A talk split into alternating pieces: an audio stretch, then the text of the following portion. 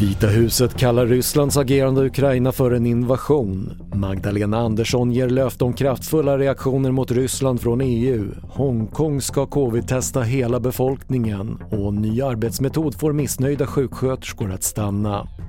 TV4-nyheterna börjar med Ukraina-krisen där USA nu kallar Rysslands agerande för en invasion och enligt nyhetsbyrån AP banade väg för hårda sanktioner mot Ryssland. Och Sveriges statsminister Magdalena Andersson fördömde idag Rysslands agerande att skicka trupper till utbrytarregionerna i östra Ukraina. Sverige fördömer kraftfullt Rysslands agerande. Det är en utökning av Rysslands aggression mot Ukraina och försvårar en diplomatisk lösning på konflikten. Agerandet hotar fred och säkerhet i Ukraina och hela regionen. Ansvaret för detta faller enbart på den ryska politiska ledningen. Statsministern sa också att Rysslands agerande kommer att möta kraftfulla reaktioner från EU.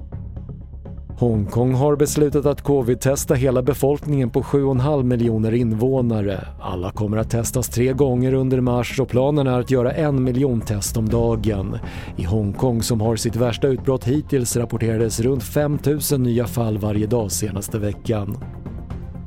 Många svenska sjukhus har problem med att sjuksköterskor säger upp sig på grund av missnöje med arbetsmiljön men på thoraxkliniken i Lund har man infört en ny arbetsmodell där personalen ska arbeta i lag med samma kollegor så ofta det går.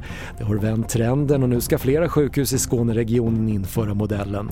Man kan tillsammans i ett partnerskap med patienten göra upp en plan för vården och det gör att patienterna blir också väldigt trygga och när de blir trygga så mår sjuksköterskorna väldigt bra och då vill man stanna och så vill man jobba i den här miljön.